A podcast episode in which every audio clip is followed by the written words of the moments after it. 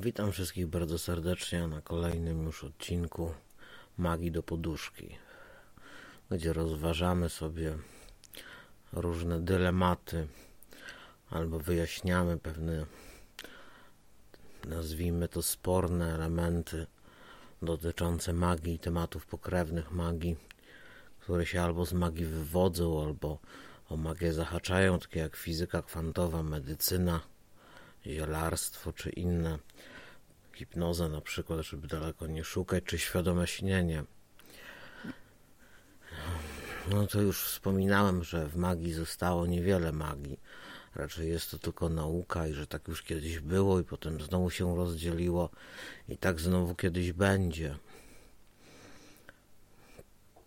Bo w pewnym momencie urwie się łańcuch wiedzy jako takiej, czyli nauki, a zostanie ten łańcuch wiedzy przekazywanej, tej tajemnej, tej, która zawsze była gdzieś tam e, przekazywana w sposób ustny. W tej chwili bardzo niewielka część wiedzy jest przekazywana w sposób ustny. Jeszcze, znaczy troszeczkę większa jest jeszcze przekazywana w formie pisemnej. Natomiast większość wiedzy jest w tej chwili przekazywana w formie cyfrowej, w formie e, portali informacyjnych czy społecznościowych, tak zwanych social mediów, gdzie praktycznie rzecz biorąc brak prądu eliminuje, odcina człowieka od wiedzy, bo kto w dzisiejszych czasach ma na przykład encyklopedię PWN na półce z książkami? No nikt, no nawet ja nie mam, bo po co? No jest internet, prawda? E, nikt nie posiada praktycznie książek naukowych w domu. Jeżeli są to książki, to raczej są to książki e, z gatunku jakiejś beletrystyki, fantazy, historyczne, romanse, e, jakieś znane ewentualnie lektury i podręczniki. Mało kto posiada konkretne książki o wiedzy, zawierające konkretną wiedzę. Chyba, że mm, to jest jakiś hobbysta i ma tam kilka książek na temat wędkarstwa czy czegoś takiego. Ale ciężko znaleźć w dzisiejszych czasach na regałach z książkami prywatnych bibliotek, o ile takie w ogóle występują w domach, bo to się też już coraz rzadziej zdarza, e, jakieś książki na temat wiedzy, cokolwiek. E, no, no mamy internet, dobrze to znowu spowodowało jeszcze mniejszy ciąg i popęd człowieka do wiedzy, co widać po chociażby po live'ach na TikToku, które prowadzę, że czasami ludzie nie, wydaje mi się, że oni zadają właśnie pytanie z dziedziny magii. A to jest pytanie z dziedziny fizyki. To jest fizyka z zakresu szkoły podstawowej, nie wiem, szósta, siódma klasa, e, w której teraz klasie jest fizyka wprowadzana. Za moich czasów była w szóstej, zdaje się, albo w piątej. E, więc e, nie bardzo rozumiem, e, dlaczego takie pytania są zadawane mi, magowi chaosu, na live poświęconemu magii, gdzie ja, gdzie ktoś uważa za magię zagadnienie z fizyki, które powinien znać, po prostu się go nauczyć gdzieś tam kiedyś, albo przynajmniej zdawać sobie sprawę z tego, że nie jest to magia, że jest to nauka. E, a mm, pytając mnie o to, e, wychodzi na to, że bardzo dużo ludzi, jeszcze bardzo dużo zjawisk naukowych, naukowo wyjaśnionych, potwierdzonych, sprawdzonych i przetestowanych, nadal uważa za magię. Na przykład, e, jeżeli chodzi o hipnozę, taki przykład od razu mi się nasunął. Dalej większość ludzi uważa hipnozę za coś magicznego, coś niesprawdzonego, jakąś nowinkę itd., tak itd., tak gdzie hipnoterapia została naukowo potwierdzona, przeszła normalne testy kliniczne, jak każdy jeden rodzaj terapii i została y, oficjalnie zatwierdzona jako dopuszczalny rodzaj terapii, zwłaszcza jeżeli chodzi o terapię uzależnień uzależnień e, od alkoholu i papierosów przede wszystkim. Więc tutaj właśnie mm, nie wiem, czy te newsy nie docierają do ludzi, czy jak to ludzie czytają te informacje w sieci, ale e, e, co chwilę pytając mnie, że miał udowodnił istnienie magii, aż się boję tego, żeby coś udowodnić, bo może to będzie ta ostatnia rzecz właśnie, która pozostała gdzieś tam jeszcze nie opisana przez naukę, jeszcze e, nauka nie dotarła do tego akurat źródła tej rzeczy i będę to ja i, i ja zniszczę magię, sprawię, że ona się zespoli z nauką. Więc między innymi dlatego też nikomu niczego nie udowadniam. Poza tym mm, słynnym twierdzeniem logicznym e, zdaję sobie sprawę, że osoba, która natarczywie usiłuje wymusić na mnie udowodnienie istnienia magii, tak naprawdę nie chce żadnych dowodów na jej istnienie, tylko chce y, udowodnić mi nieistnienie magii. to się nazywa fachowo dowód nie wprost. E, taka osoba liczy na to, że ja nie będę miał dowodów na poparcie swoich tez, czy założeń, czy w ogóle magii jako takiej i dowodem na nieistnienie magii będzie to, że ja nie będę w stanie wyłożyć mu E, na przykład biomechaniki magii, czy działania magii, jak działa magia, jaka jest jej definicja, czyli będzie mi brakowało wiedzy i na tym się wyłożę. I w ten sposób on udowodni, że magia nie istnieje. E, zazwyczaj to działa. Zazwyczaj to działa, bo tacy ludzie trafiają na modne witches, chrześcijańskie witches, czy jeszcze jakieś inne córy Lokiego.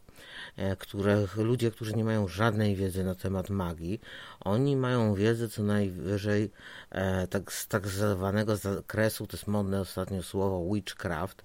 Nie wiem do końca co ono znaczy, ale e, kojarzy mi się z taką amatorszczyzną magiczną, e, pomieszanie z poplątaniem, gdzie y, y, tak jak w wikaństwie, wikanizmie jest większa ilość y, zakazów niż pozwoleń i jak być dobrym wykaninem, to najlepiej nie praktykować magii w ogóle, bo zawsze komuś zrobi krzywdę.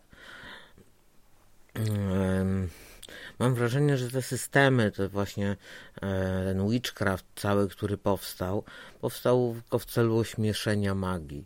E, w celu właśnie takiego jakiegoś pokazania ludziom, że magia nic nie może, jest śmieszna, e, jeszcze bardziej sama sobie przeczy niż Biblia e, i to jest takie infantylne i tak dalej, i tak dalej, bo, bo tylko taki efekt w tym widzę. Dlatego staram się na moich live'ach pewne rzeczy prostować i mówić, jaki jest, a jak nie jest, a jak być powinno, a, a jak było. Na przykład e, kiedyś się przyplątała taka kobieta, która e, porawiała mnie na moich live'ach z kilkoma rzeczami,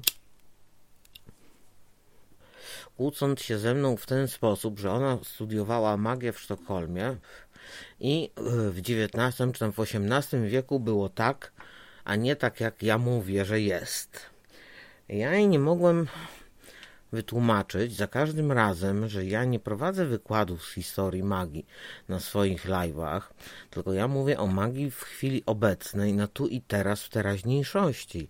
Ja nie, omawia, nie, nie omawiam tutaj XIX-wiecznych czy XVIII-wiecznych bractw okultystycznych, tylko mówię o jakim na przykład konkretnym systemie magicznym, e, tak jak on jest praktykowany na chwilę obecną. I dłuższy czas po prostu nie mogłem znaleźć żadnego argumentu, żeby wytłumaczyć jej prostej rzeczy, że ja mówię o teraźniejszości, a ty o jakiejś tam przeszłości. Ja nie twierdzę, że ty nie masz racji, ale w tej chwili się tego tak nie robi. To jest mniej więcej tak, jakbyś teraz chciała zrobić lobotomię, zamiast komuś wypisać na przykład terapię albo jakieś leki psychotropowe, prawda? Nie robimy już lobotomii ludziom. I to, że kiedyś była ta uznana medyczna, skuteczna metoda leczenia poważnych, ciężkich zaburzeń psychicznych i nadmiaru agresji, nie znaczy, że w dzisiejszych czasach e, mamy robić dokładnie to samo, bo wiemy, że to działa. Nie? Medycyna się rozwija. Informatyka się rozwija, elektronika się rozwija, magia również się rozwija. I tutaj wracanie do jakichś tam dziwnych pierwowzorów magicznych